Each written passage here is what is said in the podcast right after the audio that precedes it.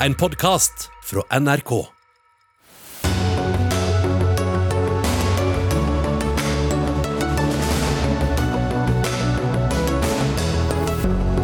Denne gangen må vi lykkes, er beskjeden fra klimatoppmøtet i Glasgow. Hva Norge gjør, spiller liten rolle mot de store utslippslandene, hører vi ofte. Det skyldes bare måten vi regner på, sier MDG. Høyre beskylder justisministeren for å skylde på andre etter de mange skytingene i Oslo. Men hvem vil gjøre noe med situasjonen? Kirken må si unnskyld til jødene, sier en tidligere biskop. Det er ikke nødvendig, sier Det mosaiske trossamfunn. Og to arkitekturspanere har gitt arkitekturen i Stjørdal sentrum terningkast to. Et rop om oppmerksomhet, kontrer ordføreren. Og det er bare noen av sakene i dagens Dagsnytt 18. Jeg heter Sigrid Solund. Ja, nå gjelder det. Verdens ledere har samlet seg i Glasgow for å fortelle hvor store kutt i klimagassutslippene de vil forplikte seg til, hvordan de har tenkt å gjøre det, og kanskje bli enige om hvilke regler som skal gjelde, og hvem som skal betale for hva. Og politisk kommentator i NRK, Magnus Takvam, du er til stede. Selve forhandlingene er ikke i gang ennå, men hva har likevel stått på agendaen i dag? I dag har det vært eh, dagen for de store politiske ledernes taler og appeller. Og det har virkelig vært eh, la oss si, nærmest dommedagstaler som har kommet både fra Boris Johnson, Joe Biden og Antonio Gutierrez, eh, generalsekretærene i FN. Så sterke taler at de hørtes nærmest ut som eldre utgaver og mannlige utgaver av eh, Greta Thunberg, vil jeg si. Eh, så spørs det jo selvfølgelig om de da etter hvert klarer å levere på eh, kravet om rask handling som alle snakket om. Tone altså satt, Bårdland. Du er forsker ved Cicero senter for klimaforskning og har fulgt klimaforhandlingene i veldig mange år. Hvor viktig er det topplederne sier for de forhandlingene som etter hvert skal i gang? Det kan jo være viktig for å på en måte sette litt retning, og det er jo, det er jo derfor det britiske formannskapet i forhandlingene har invitert også, ikke sant? for at uh, statslederne kan komme og på en måte øke prestisjen i, i møtet.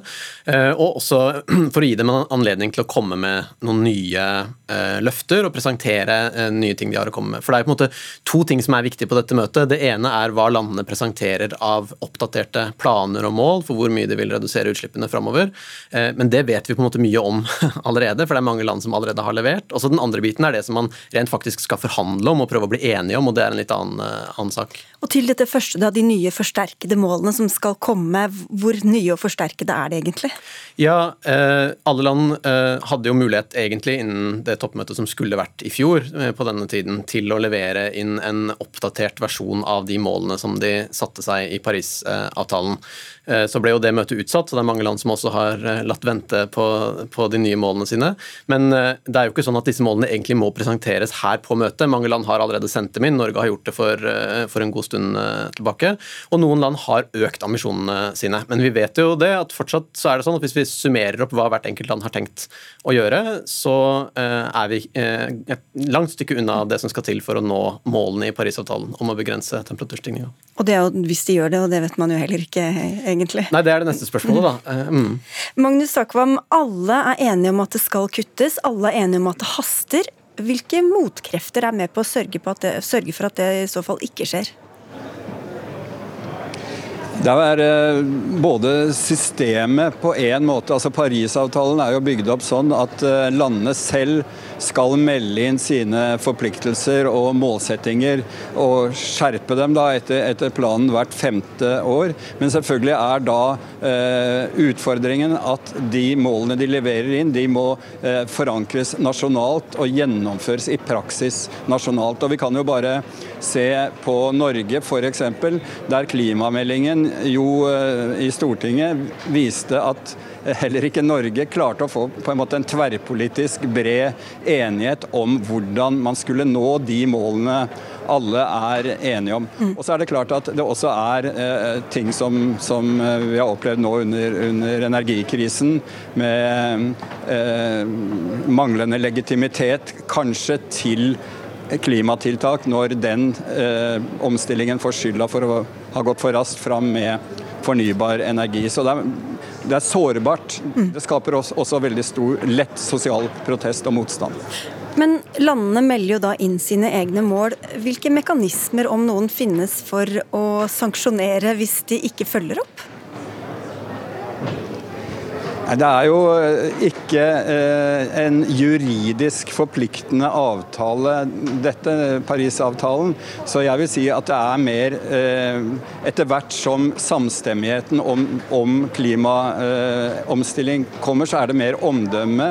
Og, og, selvfølgelig også det politiske presset som blir skapt for, for endring.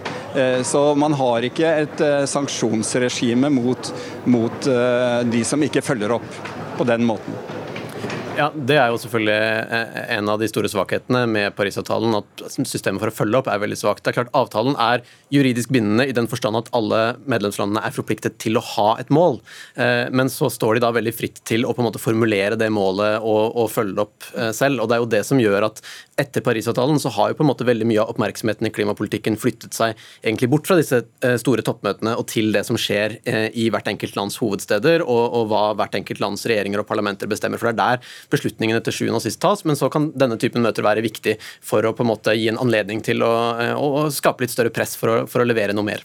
Det har jo tidligere vært mye snakk om hvem som er mest ambisiøse, hvem som er minst ambisiøse, hvilke land som finner hverandre gjennom felles interesser, utviklingsland versus eh, de som er rike land. Hvilke allianser og klubber er det vi ser nå?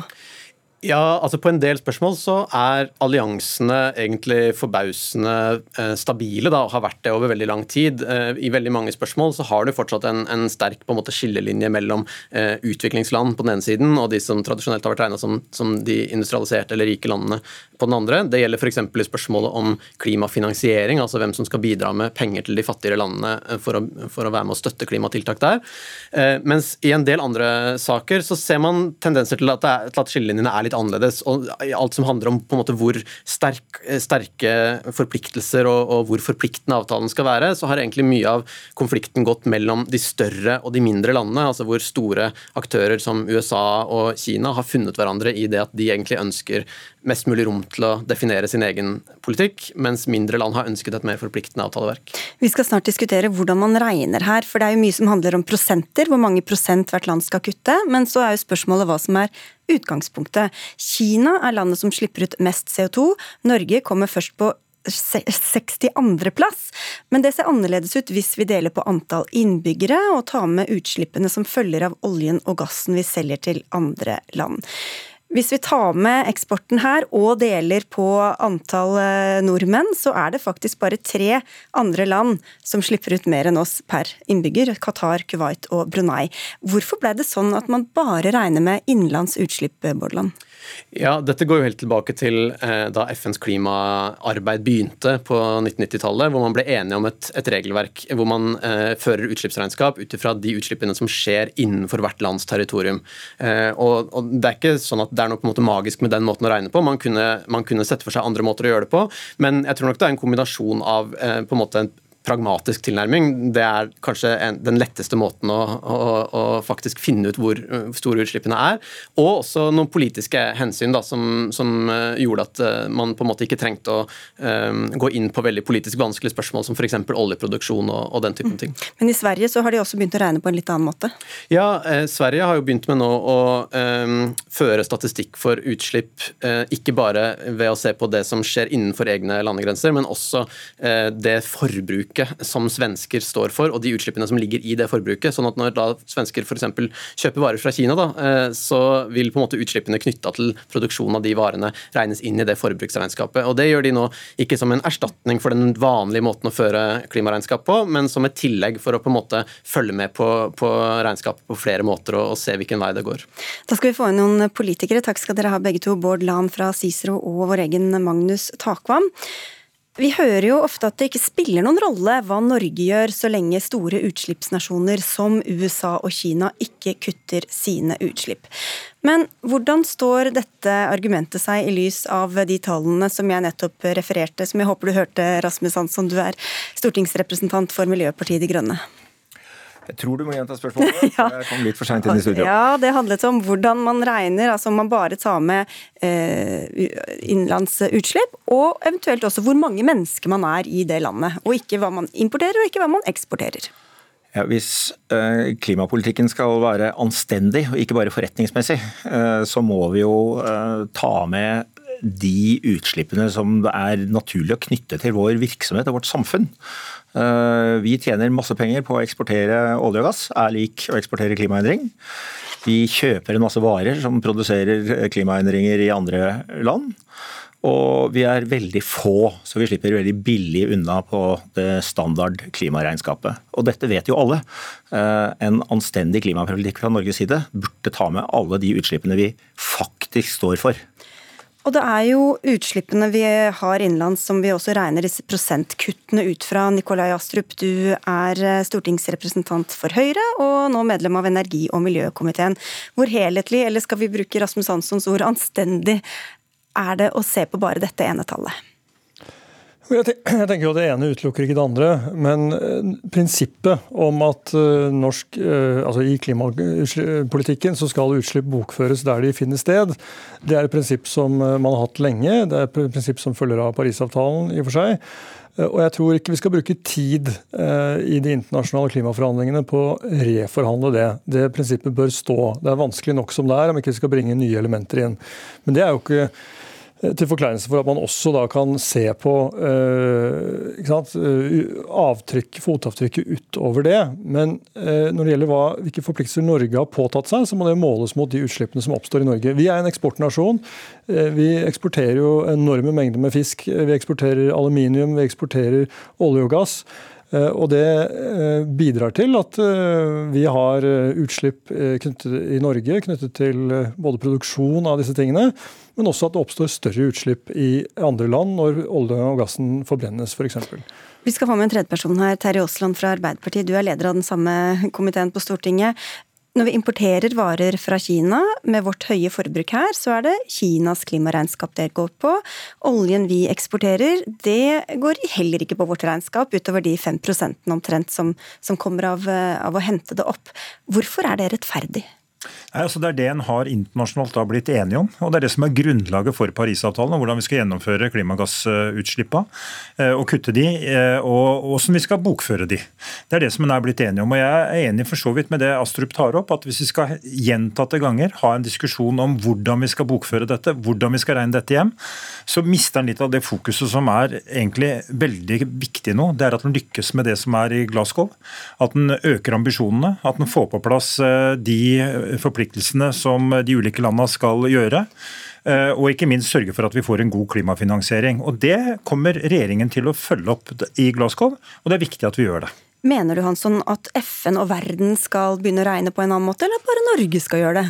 Jeg mener ikke at man skal torpedere Glasgow-forhandlingene med å lansere en helt ny regnemåte.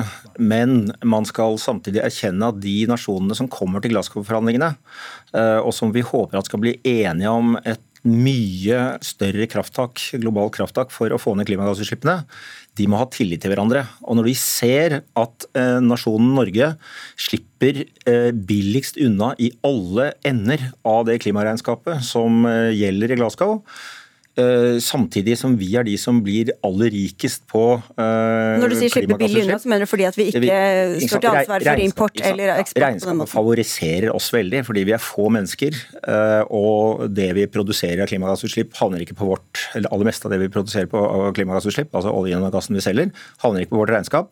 Og varene vi importerer, havner ikke på vårt regnskap. Så vi ser vesentlig penere ut enn vi er i det reelle globale klimaregnskapet. Og det skaper ikke tillit den tilliten som Parisavtalen trenger for å nå mål, det er jo tilliten mellom stater som stoler på at alle gjør det de skal gjøre. Og når noen, når de fattige landene som blir rammet hardest, ser at vi eh, profitterer voldsomt på eh, å skape klimaendringer, samtidig som vi ser veldig pene ut i klimaregnskapet, så blir tilliten for lav til at vi får til noe internasjonalt. Men altså vi, altså, Tillit det handler om å gjøre det vi har forplikta oss til å gjøre. Det er tillit. Og det akter denne regjeringa å gjøre. Vi har en veldig klar eh, ambisjon. Det er om at vi skal kutte 55% av våre klimagassutslipp i hver eneste Og det innenlandske ut, og det er, det er jo helt utgangspunktet egentlig for det vi våre- diskuterer nå. Våre eh, nasjonale utslipp, ja. Eh, både i kvotepliktig sektor og ikke kvotepliktig sektor. Helt tydelig på det. Og så har vi med oss ned til Glasgow en vilje og en ønske om at vi skal også forsterke ambisjonene. Eh, Både på klimafinansiering, at vi skal få på plass et regelsett når det gjelder innrapportering osv. som er trygt. Nettopp fordi vi er helt avhengig av den tilliten som Rasmus Hansson eh, påpeker. Og den får vi altså ved å følge opp de forpliktelsene som ligger i Parisavtalen. og Det har vi tenkt å gjøre. Vi kommer til å raskt legge fram en ny klimaplan som viser hvordan vi skal kutte utslipp fram til 2030 og løse disse utfordringene. Men Nikolai Astrup, du sa at man kunne kjøre øh, øh, gjennom flere spor her. Men er det en fare for at man ser seg blind på disse, altså de, de prosentvise utslippsnedgangene vi vil ha fra de nasjonale utslippene, om vi ikke tar det store bildet med i beregningen? Jeg er ikke så bekymret for det, faktisk. Eh, Og det kan ikke være slik at vi skal ta ansvar for eh, energimiksen i eh, andre europeiske land, f.eks. Det er noe de selv må ta ansvar for. Og det er enkelt å si at hvis vi tar alt på vårt regnskap, så, så er det bare å slå av, av kranen. Da, ikke sant? Så har vi kuttet de utslippene. Eh, Men da tar vi jo ikke ansvar for situasjonen i landene rundt oss, eh, som er helt avhengig av den energitilførselen som de får fra oss, og kommer til å være det ganske lenge. Men der vi kan gjøre en virkelig stor forskjell, det er å utvikle teknologi og løsninger som resten av verden kan ta i bruk, også i Europa. F.eks. blått hydrogen, som jo kan bli en utrolig viktig energibærer i, i europeisk eh, energimiks i årene som kommer. Der har Norge, Norge en fantastisk mulighet. Ja, men hvis vi ser litt eh, mer på, det, på dette, denne måten å regne på, så er det jo sånn at internasjonal skipstrafikk og flytrafikk er ikke med i noe regnskap, og heller ikke militære utslipp, eller utslipp fra militær, vel. Så hva sier det om hvor godt dette eh, systemet egentlig fungerer? Det, internasjonal, skips, skipstrafikk er jo ikke omfattet av noe regnskap noe sted. Men heller ikke er jo f.eks. våre bidrag til eh, reduserte utslipp gjennom redusert avskoging av regnskog er heller ikke med. og Det utgjør noen titalls millioner tonn eh, i året. Eh, Så, så er det mange måter å regne på. og Derfor tror jeg det prinsippet man har kommet frem til, faktisk er det ryddigste. Og så må vi istedenfor å diskutere dette, så bør vi jo diskutere hvordan vi skal klare å få til den enorme omstillingen som må skje, både i Europa, men også i resten av verden i årene som kommer. Og Da skal Norge selvsagt være med å ta ansvar, eh, både med å bygge ut fornybar energi i utviklingsland som fortrenger kull, eh, bidra til klimafinansiering i utviklingsland, og hele vårt bistandsbudsjett bidrar sånn sett opp mot eh, klimaarbeidet, fordi at dette er en sammensatt utfordring, og mange av de aller fattigste landene i verden kommer jo ikke til å klare dette hvis ikke de samtidig løser en del av de andre utfordringene de har. Og Derfor så må man se dette i et mye større bilde enn kun i, i, i rent eh, i, i, ren- målt i utslipp. Du sa at vi måtte være anstendige, Rasmus Hansson, men hva ville det fått å si i praksis da, hvis Norge også hadde begynt å regne på en annen måte, sånn i ensomhet her oppe? Ja. Det ene ville jo være at vi napper teppet vekk under unnskyldningen som stadig gjentas for at vi skal fortsette å produsere og lete etter eh, olje og gass. Det er jo det hele Glasgow-konferansen går ut på, at verden skal slutte med olje og gass og kull. Det er, det er hele vitsen med Parisavtalen. Eh, og vi har nå en regjering, og vi har hatt en regjering som, som eh, gjør alt eh, som står i deres makt på å forklare og bortforklare hvorfor vi skal fortsette med akkurat det som eh, Glasgow-møtet skal få, oss til å holde opp med.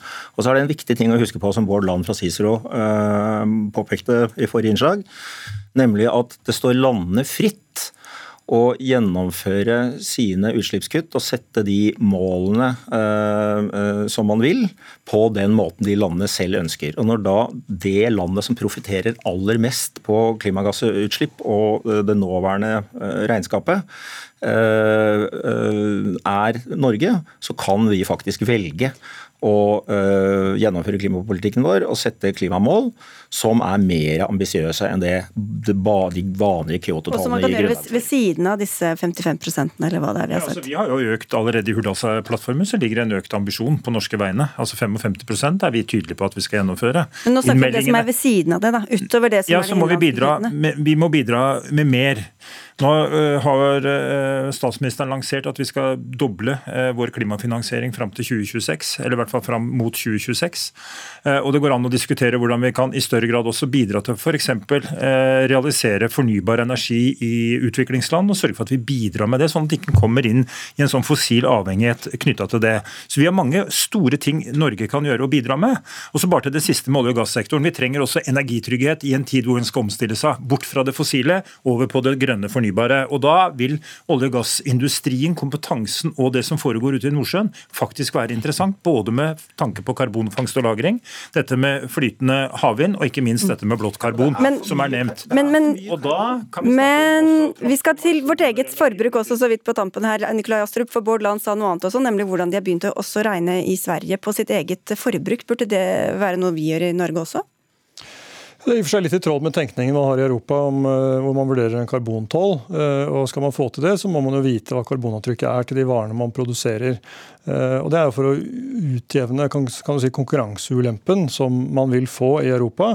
Etter hvert som klimapolitikken strammes til i Europa, så vil det bli attraktivt å produsere andre steder enn i Europa. Og Det vil man jo unngå, fordi vi ønsker å bevare både industrien og arbeidsplassene i, i, i, som er her i dag. Var det ja eller nei? Så så eh, Det er en eh, naturlig konsekvens av at man må tenke også i, i de baner. Og så vil jeg bare avslutningsvis si at eh, Aaslands regjering har ikke meldt inn noe annet mål enn den forrige regjeringen gjorde. Det er akkurat det samme mål som er meldt inn til FN, og som har skrevet noe litt annet i Hurdalsplattformen, som jo man har bekreftet at man ikke skal melde inn til FN. Så hvor forpliktende det blir, det vet jeg ikke. men ærlig talt, den diskusjonen er ikke så interessant. Det interessante er jo hvordan kommer vi videre i den store omstillingen. og Jeg tror Norge kan spille en nøkkelrolle, både teknologisk og finansielt. Og ikke minst tror jeg norske bedrifter og norsk industri kan virkelig være med på å få til eh, lavere utslipp og økt verdiskaping samtidig, og det er en viktig kombinasjon. Og det tror jeg dere faktisk er helt enige om, eh, alle tre. Så, vi er nødt til å få inn forbruket. Det er det som er driveren bak klimaendringene. Og før vi begynner å snakke om vårt altfor høye materielle forbruk, så kommer vi ikke til å løse mm. klimaproblemet. Ok, ta det med deg også, Aasland. Vil du, Syns du at vi burde ha et annet regnskap som viser hva vi faktisk, når jeg kjøper en plastleke fra Kina, hva det koster av CO2-utslipp? Ja, jeg syns vi skal sørge for at forbrukerne kan ta opplyste valg også når det gjelder klimasammenheng. og Det er en stor og viktig oppgave som en bør ta fatt på. Takk skal dere ha i denne omgang, Rasmus Hansson fra Miljøpartiet De Grønne, Terje Aasland fra Arbeiderpartiet og Nikolai Astrup fra Høyre.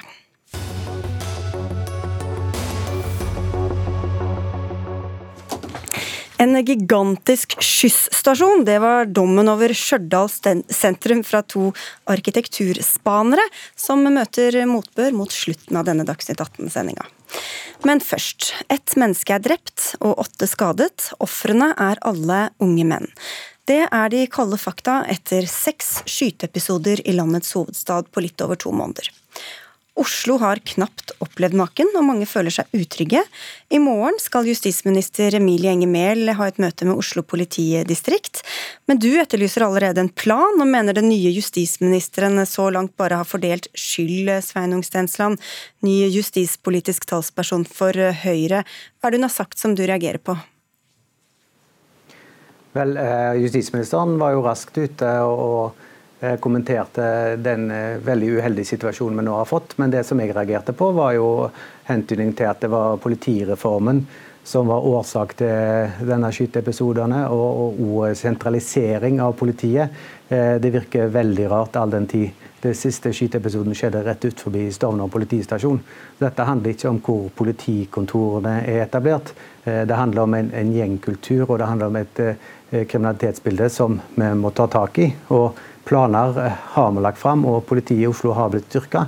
Så det jeg ønsker, er jo at eh, justisministeren følger opp de planene, og i tillegg går raskt i dialog med Oslo kommune, noe hun skal i morgen, for å se til at de pengene som er satt av nettopp til å bekjempe gjengkriminalitet, blir brukt. For det er et faktum at Oslo kommune heller ikke har vært på og brukt de midlene som er satt av til nettopp dette arbeidet. Var det det du sa, Emilie Engemel, du er justis- og beredskapsminister?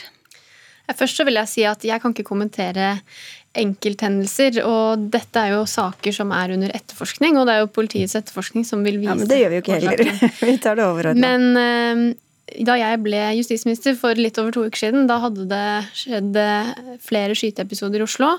Og kort tid etterpå så skjedde det enda en. Og det mener jeg det er grunn til å ta på alvor. Derfor så var jeg opptatt av at vi kom raskt i gang med en dialog med Oslo-politiet og Oslo kommune. og Derfor skal jeg ha et møte med Stovner-politiet i morgen og Oslo neste uke. Eh, og det jeg har sagt, det er jo at eh, for å klare å forebygge kriminalitet og forebygge eh, at kriminelle miljøer får etablere seg og utvikle seg og holde på, så trenger vi et eh, lokalt politi som er til stede eh, og forebygger, både i Oslo og i resten av landet, men her spesielt i Oslo, som kan se eh, folk der de er, som kan nå ungdommene våre, og som kan få, skaffe seg også viktig kunnskap om de lokalmiljøene de er i. Men mener du med det at det er det som man før kalte nærpolitireformen, som er i hvert fall delvis skyld i at dersom det ikke har vært den oppfølgingen som du etterlyser nå, da? Jeg mener det er helt klart at uh, den såkalte nærpolitireformen har uh, ikke har lyktes med å bringe politiet nærmere folk. Det har også man i sett, hovedstaden? Også i hovedstaden. Uh, det har man sett gjentatte rapporter på, forskning på, og tillitsvalgte i politiet sier det. Og så mener jeg at for å klare å forebygge kriminalitet, så er det viktig at vi har et politi som som folk kjenner, eh, og at politiet kjenner det lokalmiljøet de skal jobbe i, og som har nok politifolk på bakken. Det som har vært utfordringa med, med, nærpolitireformen, er jo også at man har ressurssatt politiet, men ressursene har havna i fellesfunksjoner i sentrale byråkratienheter, og så har man ikke lyktes i det målet som var å få politifolk ut i bl.a. bydelen Oslo i tillegg. Hva er feil ved det hun sier her, Stensland? Eh, det meste. fordi eh, Faktum er jo at eh, Oslo-politiet har blitt tilført over 400, tror det er over 430 nye politistillinger. Det er direkte feil det justisministeren her nå sier. Antall politifolk i Norge har aldri vært høyere enn i dag. Vi har nådd målet om to politiansatte per 1000 innbyggere. Og politiet er i mye bedre stand nå enn det var for noen år siden til nettopp å bekjempe denne type kriminalitet. Og det å skylde på politireformen her, det blir et helt uh, unødvendig blindspor. Vi kan godt snakke om historien, for historien viser nemlig at politiet har gjennomgått en historisk, uh, historisk styrking. Det som jeg er opptatt av, som jeg allerede har utfordra justisministeren på, eller regjeringen på, er det som står i Hurdalsplattformen, nemlig at en ønsker å opprette 20 nye polititjenestesteder. Og det kan jo virke som at Hvis en får økte ressurser til eh, justissektoren, så skal det gå til å opprette politikontorer, og ikke flere politifolk. Så jeg frykter jo at en skal gå vekk fra den positive utviklingen vi har hatt, nemlig med å få flere polititjenester. Men hvordan har det vært en positiv utvikling når vi har sett all den skytinga som har vært i Oslo? Hva er positivt ved det? Ja, det er definitivt ikke positivt, men det som har vært positivt, er jo utviklingen i antall polititjenestefolk. Og så har vi nå en uheldig utvikling som vi ser i Oslo, og det må tas tak i. Og det må tas tak ja, Det er mange grunner til det, men vi har en utfordring med gjengmiljøer i Oslo. Og vi har eh spesielt miljøer i enkelte bydeler som det må bekjempes. og Da er det jo ganske forstemmende å se at det står igjen store millionbeløp i Oslo som ikke har blitt brukt i de bydelene som dette skulle bli brukt i. Og Det er noe som må tas tak i med en gang. Og Hvorfor retter du ikke heller skytset dit, Mel? Mehl? Nå har, eh, er det viktig for meg å lytte til de som er i Oslo.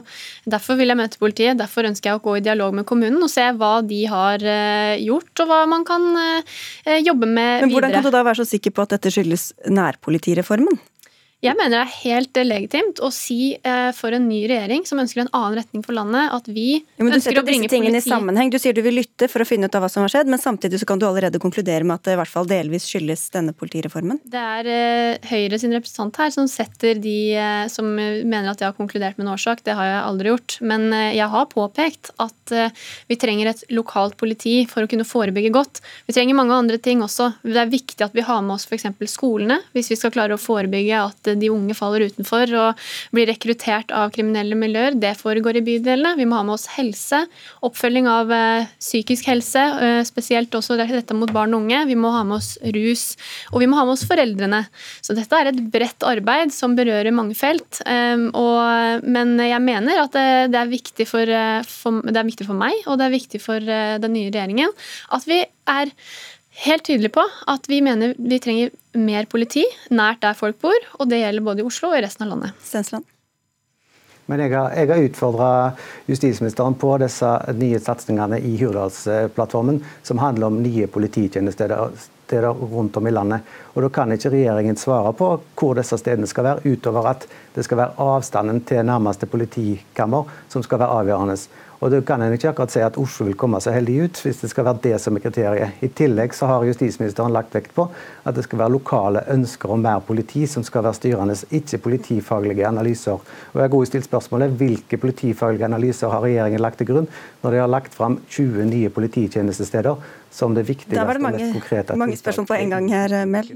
Det, ja, du får svare på noen av dem. Ja, Vi har jo sagt konkret at vi ønsker å bringe politiet nærmere folk, bl.a. med 20 nye tjenestesteder og politiposter i nærmiljøene. Det er også viktig i Oslo. Så det kan jo være aktuelt, også aktuelt i eh, bydeler i Oslo å ha flere politiposter. Det er jo noe vi må komme tilbake til når vi skal jobbe med dette. Men det denne saken handler om, er er jo et viktig stikkord her. Det er forebygging. Vi må jobbe med forebygging mot kriminalitet i Oslo og resten av landet òg. Men også må vi ha et politi som har tillit, bl.a. hos de unge, eh, og som er synlig i hverdagen. Jeg tror vi må eh, plukke opp den eh, hvor disse stasjonene skal ligge et annet sted. Men når kan det komme noe konkret ut av disse møtene du skal ha for hovedstadens del, Mel? Dette er ting vi jobber med fortløpende. og etter to og en halv uke så er det begrensa hvor eh, mye man eh, kan eh, legge fram når det gjelder f.eks. Denne, denne Vi ønsker å styrke politiet med en konkret plan, men før det så må vi evaluere den nærpolitireformen, sånn at vi får grundig bakgrunnsarbeid. Fordi vårt mål det er et politi som er godt og til stede i hele landet. Og hvis vi ikke gjør jobben i forkant skikkelig, så får vi jo heller ikke et godt resultat. Da får vi se hva som kommer ut av møtene i hovedstaden, og så kommer vi nok innom det senere her i Dagsnytt, Dagsnytt 18, heter vi visst. Ja. Takk skal dere ha begge to, Emilie Enger Mehl og Sveinung Stensland.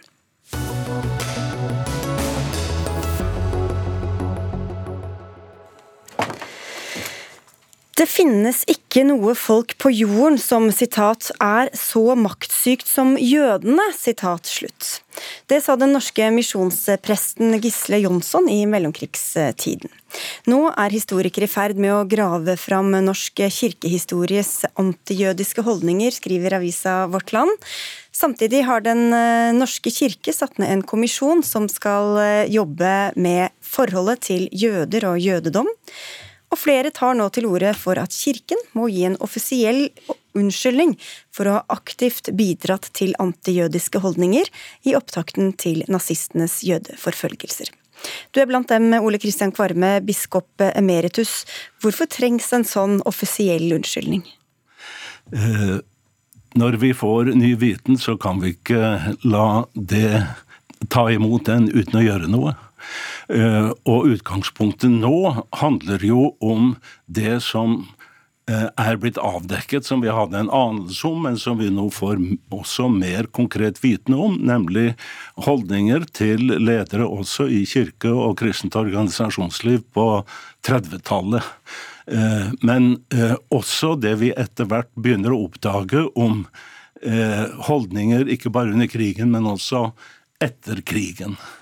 Eh, og det eh, er det for meg viktig at vi tar et oppgjør med.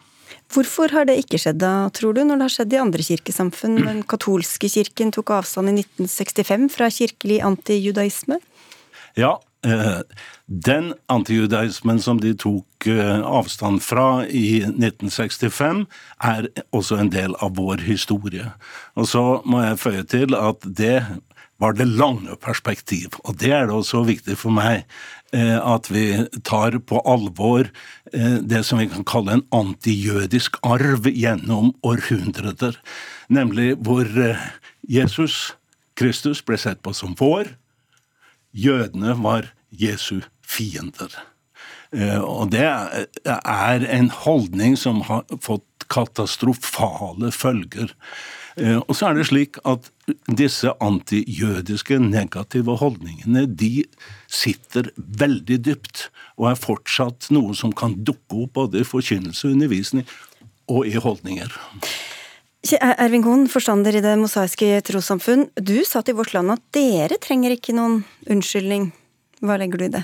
Nei, altså, Det jeg sa var at uh, det er ikke på oppfordring fra oss at uh, denne kommisjonen som, uh, som, Den norske kirke har nedsatt, er et resultat av. Så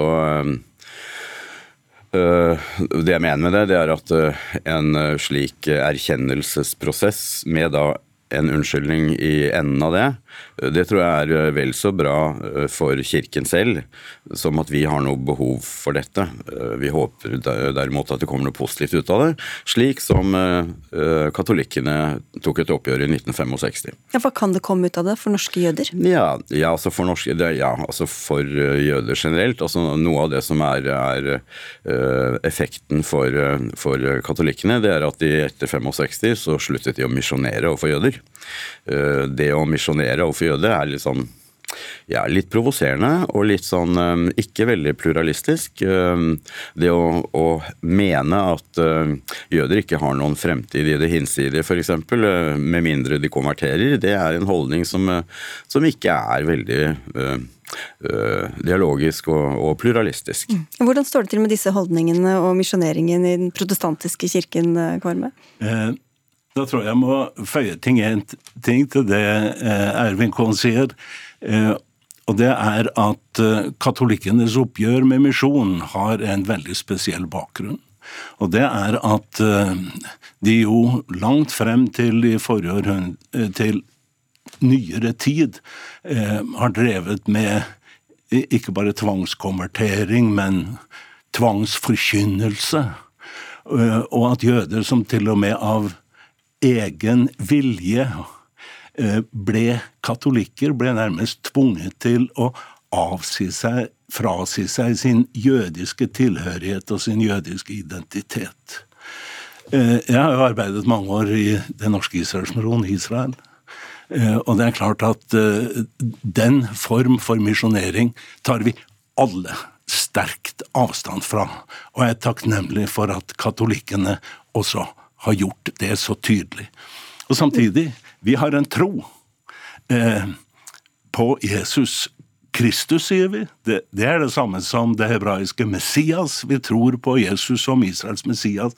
Eh, og det er jo ikke en eh, og, og, katolikkene sier også at eh, vi har alle et ansvar for å formidle den troa vi bærer på, også i forhold til jøder. Ok, Så du skal kunne snakke om det, men ikke prøve å overbevise? men, men Dette manglende oppgjøret som vi har hatt bl.a. i Norge, da, hva tror du det har ført til? Eh,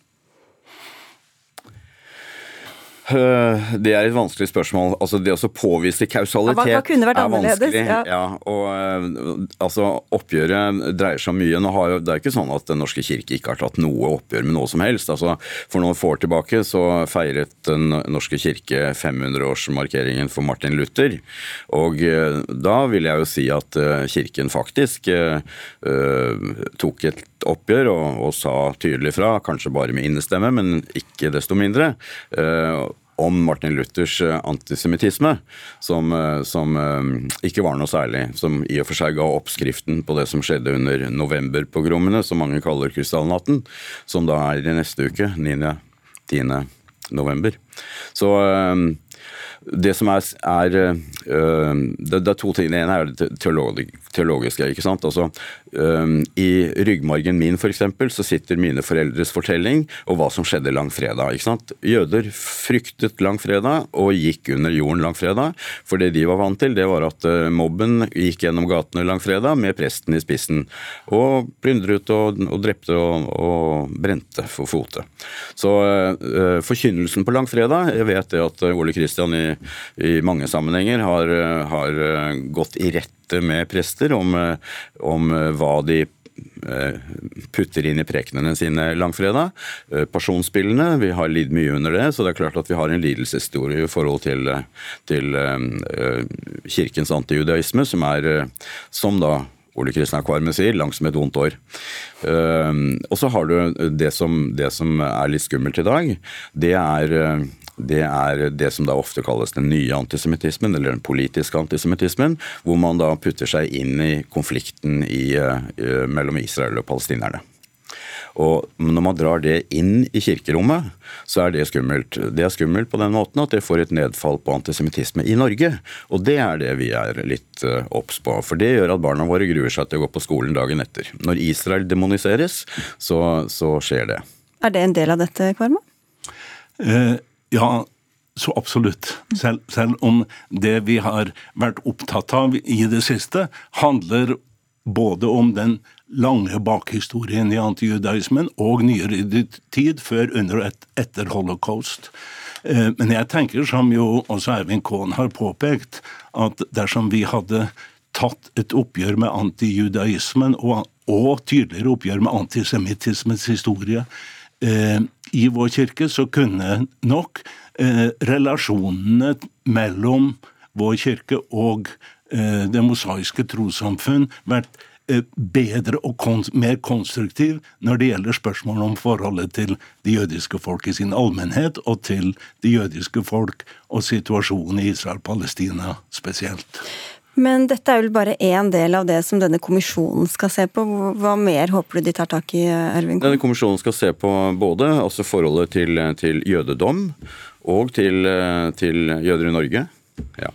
Så um vi har en del sånne rare utfall. Vi hadde utfallet uh, med biskop uh, Fiske som, som sammenlignet okkupasjonen av Vestbredden. Nå skal jeg si at hun ikke er her. Nei, så hun... nei, det er ikke det. nei, nei. Ser dere henne noe sted? Nei. Og uh, nazistenes mm. okkupasjon i Norge.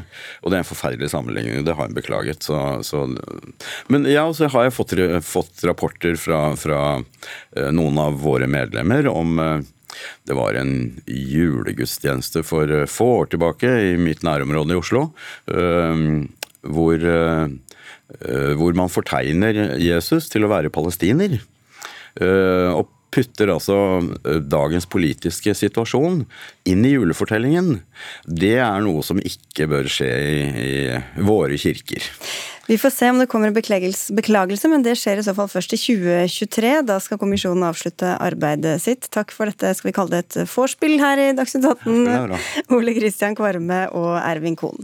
Mange takk.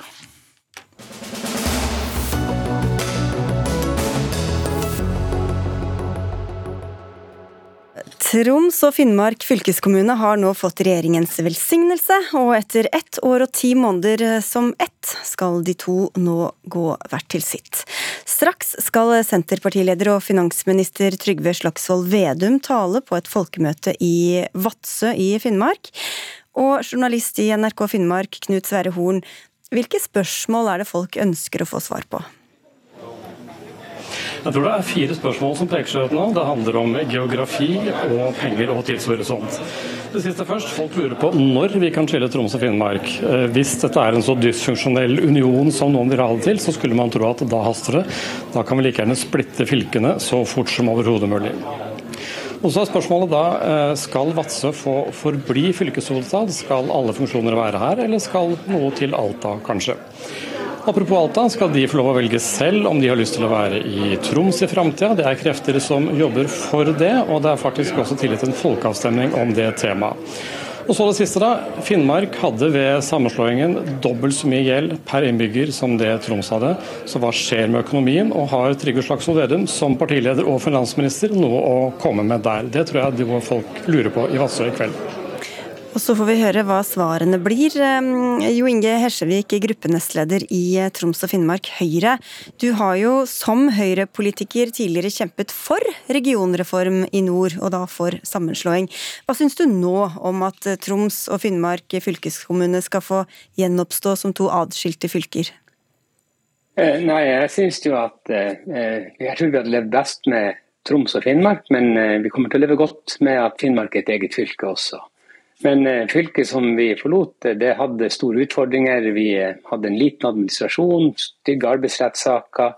Vi slet med hurtigbåtanbudene, og vi er ekstremt gjeldstynga. Så jeg håper at hvis vi skal bli tilbake til Finnmark som det ser ut til nå, så at man tar grep for å få ned gjelda vår, og at man ser at vi har en for liten administrasjon på mange oppgaver vi skal løse. Vi hørte jo flere av punktene som er usikre, altså når det gjaldt både tidsforløp og geografi og penger, som du også er inne på. Hva kan gå galt, tror du, når man skal da skille disse to fylkene igjen? Eh, jeg tror det for det første at det er Stortinget som avgjør regioninndelinga. Sånn at eh, hvis den har bestemt seg, så blir det sånn. Eh, og i Høyre så blir vi selvfølgelig akseptere det og etterleve det. Eh, så er det sånn at eh, det at vi en, hadde én eh, fylkesadvokat, at vi har ett mobbeombud, at vi har veldig veldig små fagmiljø, gjør at vi har, vi har ikke fått den kvaliteten på videregående som vi ønsker. Vi har ikke hatt den kvaliteten på samferdselssektoren som vi ønsker. Jeg er redd for at vi får de samme problemene igjen som dem vi opplevde før vi slo oss sammen. Mm. Randi Karlstrøm, leder av For Finnmark og for øvrig også KrF-politiker. Du har jo vært pådriver da, for at Finnmark skal være eget fylke i mange år. Hvorfor eh, er det verdt å bruke tid og ressurser nå på å gjenoppstå, etter at man har brukt tid og ressurser på å slå seg sammen? Ja, De problemene som er nevnt her, jo, eh, løses jo ikke med å bli et storfylke i det hele tatt. Det er utrolig viktig å få det politiske Finnmark tilbake igjen. Eh, Befolkningen her hadde folkeavstemning 87 eh, ville ha Finnmark tilbake. Og den eh, fylkeskommunen som vi har nå er, er altfor stor, det har altfor mange stordriftsulemper. Og Nå er vi kjempeglade, for nå skal vi begynne å feire. Vi starter feiringa nå. Den siste store feiringa må jo bli når vi får konstituert vårt eget fylkesting eh, i et ordinært valg. Men, Men, først må vi få midlertidig fylkesting på plass, og det haster. Men vi hørte jo beskrivelse av hvordan det var før. Hvorfor tror du det blir noe annerledes når man nå går tilbake? Du må huske på det at Fra 2013 så kutta Solberg-regjeringa utviklingsmidlene i Finnmark fylkeskommune. Faktisk halverte det. Vi fikk strammere fylkeskommunal økonomi og kommuneøkonomi. Og Finnmark har gjennom mange mange år kjempa for, for, at skal du ha et Finnmark fylke ytterst og lengst mot øst, så må du også betale en grunnfinansiering som gjør at vi får likeverdige tjenester som resten av landet. Og, og det føler vi nå vi kan ha mulighet til å argumentere for igjen. At vi kan ha likeverdig tjenestetilbud i vårt fylke. Hesjevik, du beskrev problemene, men så får vi høre her at det var din egen regjerings feil at det ble sånn? Eh, nei, altså det, Hun snakker om eh, utviklingsmidlene. Vi har fått mer til skole, vi har fått mer til samferdsel. Som de oppgavene vi har svikta, som er viktige for oss. Jeg vil jo si at Når jeg ser at Vestlandet får bedre økonomi etter sammenslåinga, når Innlandet gir gratis skolemat til sine innbyggere fordi de har fått bedre økonomi, så er Finnmark og Troms det ene fylket som ikke har klart å utnytte dette potensialet. Og så var Finnmark minst i utgangspunktet. Vi burde ha mest å hente på nettopp den sammenslåinga. Og så ser jeg det at Fylkesrådet sier vi skal bli nye Finnmark. Vi skal ta med oss det positive vi har lært gjennom samarbeidet. Fordi man ser at det var mye å hente når vi fikk et bedre fagmiljø for de tjenestene vi skal levere. Og så kan jeg være enig i at det kan jo være fint at Finnmark har et eget fylkesadministrasjon, men da må den være like god. Elevene mine og elevene i dem i Troms og resten av dem må ha de samme betingelsene når de begynner på skole Og det tror jeg at vi alle ser at det har ikke vært sånn. og vi må få det bedre. og Da tror jeg at vi er nødt til å Enten må vi få mye mer penger, da må vi få dem fra de fylkene som har spart. Eller så, eller så må vi bli Troms og Finnmark, men det blir vi jo ikke. Karlstrøm. Nei, altså, Jeg tror at vi har en fantastisk mulighet nå i Finnmark. Eh, det er tverrpolitisk enighet om at vi vil ha fylket vårt tilbake. Vi har en finansminister som er villig til å lytte på oss, og også gå gjennom de spesielle ordningene som er for Finnmark, fornye dem. Og vi har et storting som, eh, som også vil gi i de budsjettene som kommer, en helt annen eh, finansiering av kommune og fylkesting. Det er tross alt det som er grunn, grunnpilaren i vårt demokrati. Og det er demokratiet som har tapt i denne regionreformen. Men når det er sånn at andre sammenslåtte fylker har frigjort ressurser og brukt eh, mindre penger eller nedmannet eh, gjennom sammenslåing, og Troms og Finnmark ikke har gjort det, hvorfor er det da rettferdig at Finnmark skal få mer penger enn de fikk før? Vi vet, eh, vi som er bønder, hva som skjer. Etter at du har slått sammen og nytt godt av godene en stund, så kommer kuttene. Og Det får alle de her sammenslåtte fylkene også. Hele reformen er jo bygd på en tenkning at man skal kutte ned på kostnadene. Men vi vil ha en annen utvikling. Finnmark har små uh, kompetansemiljø, men vi har en kultur for å samarbeide på tvers. Og Det er det vi skal utnytte. og Vi har stor tro på dette prosjektet. Det kommer til å bli kjempebra. Hva tror du, Helsevik, har det alt vært uh, forgjeves de siste snaue to årene? Eh, vi har jo lykkes i mange andre fylker, og så har ikke det blitt sånn i Troms og Finnmark. Men nå får vi bare gjøre det beste ut av det. Og så får vi håpe at det kommer mer penger, og at, eh, at man klarer å samarbeide bedre i fremtida. For det er de kortene vi nå har fått. Så eh, vi står nå på, og så får vi håpe det beste. Og nå venter dere på Trygve Slagsvold Vedum. Hva må han si, Randi Karlstrøm, for at du skal gå fornøyd hjem i kveld? Nei, han må si at vi må få oppdelinga raskt. Vi kan allerede velge et midlertidig fylkesting for Troms og for Finnmark eh, allerede før jul.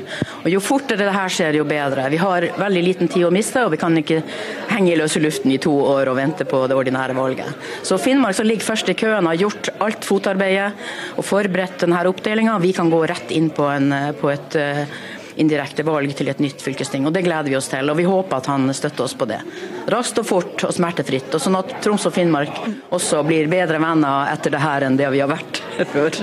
Og med masse penger i sekken, så får vi se om han innfrir de høye forventningene. Det er demokratiet som er viktig. Takk skal dere ha begge to. Randi Karlstrøm, leder av For Finnmark, og Jo Inge Hesjevik, gruppenestleder i Troms og Finnmark Høyre.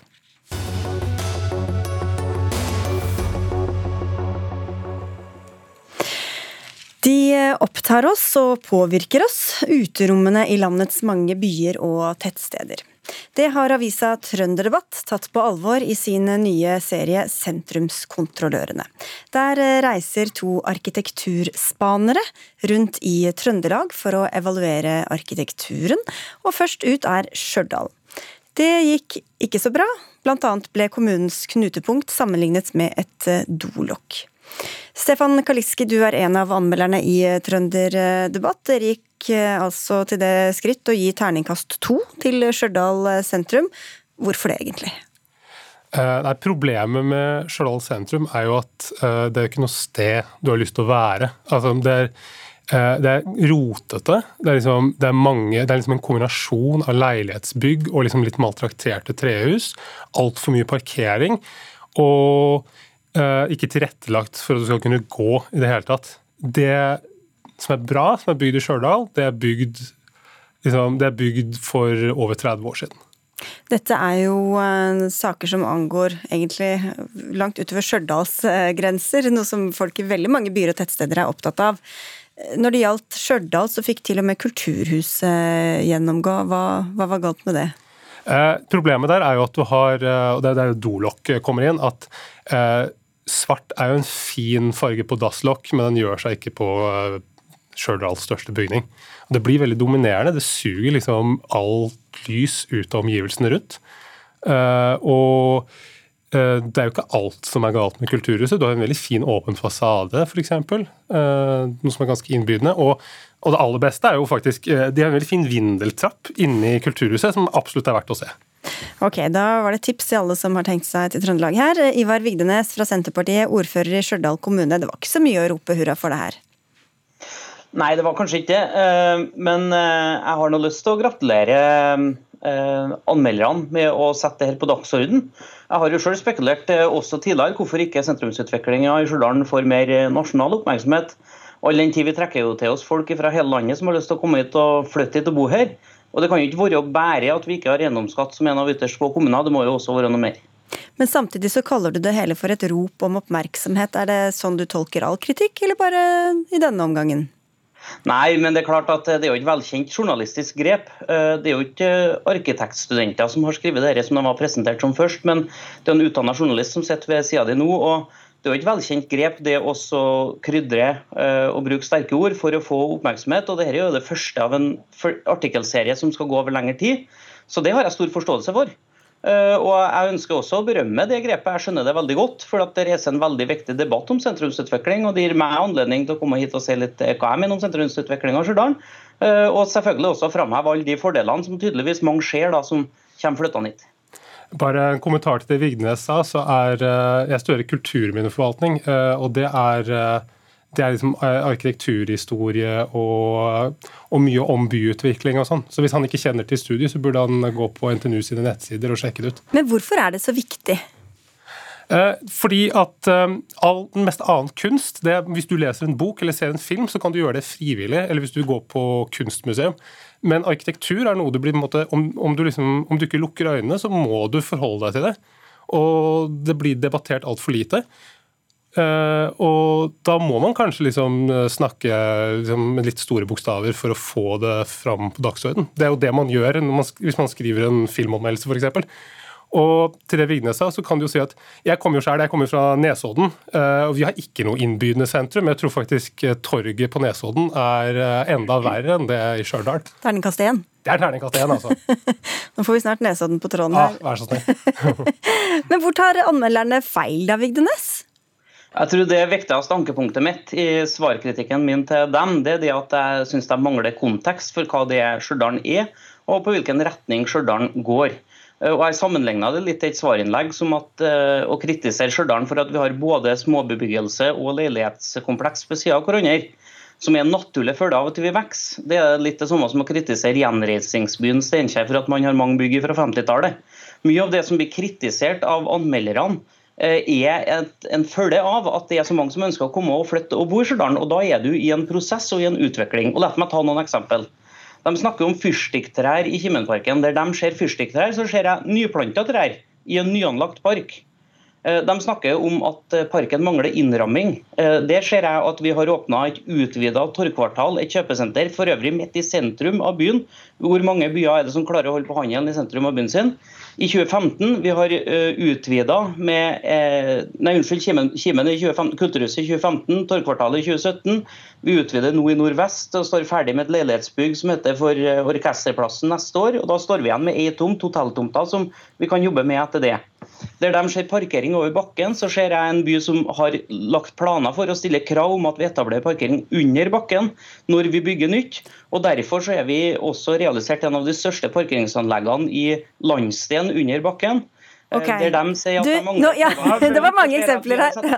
planer for å få til akkurat det. Ok, få inn Nesodden her òg. Ja, du, vi, eh, det kan du si eh, som svar til Vignes, så anmelder vi den situasjonen som er nå, og den er jo begredelig. Det ser jo, Du blir jo deprimert av å gå gjennom sentrum der. Og, og det å ha planer er vel og bra, men f.eks. å ha ambisjoner om Du har allerede bygd et campus på andre sida av togstasjonen, men du har ambisjoner ifølge han, ambisjoner om å få en gangtunnel litt innen 2023. Det er altfor seint. Den skulle vært anlagt der da campus sto ferdig, sånn at studentene kan gå fra togstasjonen og over til, eh, over til eh, campus. Her skulle man vært tydeligere og kommet tidlig inn og planlegge. Det er også en historisk trehusbebyggelse hvor det på en måte, hvor det, hvor som, er, liksom, som er vanskjøtt og som måtte ikke tas vare på, og hvor det på en måte allerede er snakk om å rive enkelt, flere enkeltbygninger.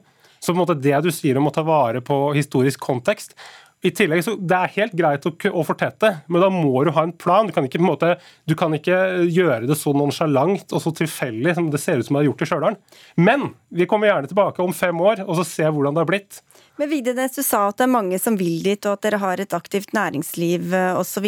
Men hvor mye har dere vektlagt estetikk og trivsel i utviklingen av byrommene, da? Det har vi jo i aller høyeste grad gjort. og En av eksemplene på det er nettopp den Kimenparken som vi fikk kritikk av de her anmelderne. da. Men for den som har bodd og vokst opp i Stjørdal, så ser en jo det at antallet folk som er ute i gatene og tar i bruk disse områdene, har jo dramatisk økt i løpet av de senere årene. I Kimenparken så er det fullt av med folk. Og når Kimen åpna, så doblas omsetninga i restaurantbransjen i hele sentrumen vår. Og det er klart, Dette er jo byutviklingsmessige grep som andre plasser blir hylla. At vi flytter liv, aktivitet og røre inn i sentrum av byen vår. At vi har handelen der, at vi har bygget et kulturhus der, at vi bygger innbydende uterom der. Eh, Og en ting som totalt mangler i anmeldernes anmeldelse av Stjørdal, er jo noe av det kanskje mest fremtredende arkitektoniske når du går gjennom byen i dag. og Det er jo synet av massevis av byggekraner som nettopp er med å understreke den transformasjonen som man er en del av. Og Det er da jeg likte å bruke det bildet at hvis du setter en eh, kar i hølete klær eh, på ene sida, så ser du på en kar i sokkelesten og i nystrykket finskjorte på andre sida, så kan en se mer gjennomarbeida og helhetlig ut førstnevnte. Men når du får vite at andre da er i ferd med å ta, på seg finstasen, så blir bildet litt annerledes likevel. Og vi er i en prosess. Det går fremover. Vi kommer til å bygge kraner i mange år. Og for mange måter så vil jeg si at det er dem som er byens arkitektoniske eh, mesterverk. Men det er, jo bra, det er jo veldig bra at dere har uh, ambisjoner, og det er derfor vi har gitt dere terningkast tre på potensialet. Så hvis du gjør alt dere sier, så kan dere få en treer neste gang. Men dette er jo da, som det ble nevnt her, første del eh, av en serie. Hvilken ordfører kan grue seg eller glede seg til dere kommer på besøk? Nei, her får de en kalddusj når vi kommer på besøk. Vi skal, eh, de, vi, vi, sier ingenting på forhånd. Men jeg kan jo røpe at vi kommer til å, være, vi kommer til å gi mye høyere terningkast til andre steder i Trøndelag. Men det er også noen som kanskje får seg en ubehagelig overraskelse. Men det er Trøndelag alle andre landets ordførere kan puste lettet ut? Ja, enn så lenge. Takk skal dere ha begge to. Stefan Kaliski, altså en av anmelderne i Trøndedebatt i denne serien. Og til Ivar Vigdenes fra Senterpartiet, ordfører i Stjørdal kommune. Dagsnytt 18 er over for i dag. Vi er tilbake i morgen klokka 18. Det var Gro Arneberg som hadde ansvaret for innholdet i sendinga. Helje Svensson hadde ansvaret for det tekniske, og jeg heter Sigrid Solund.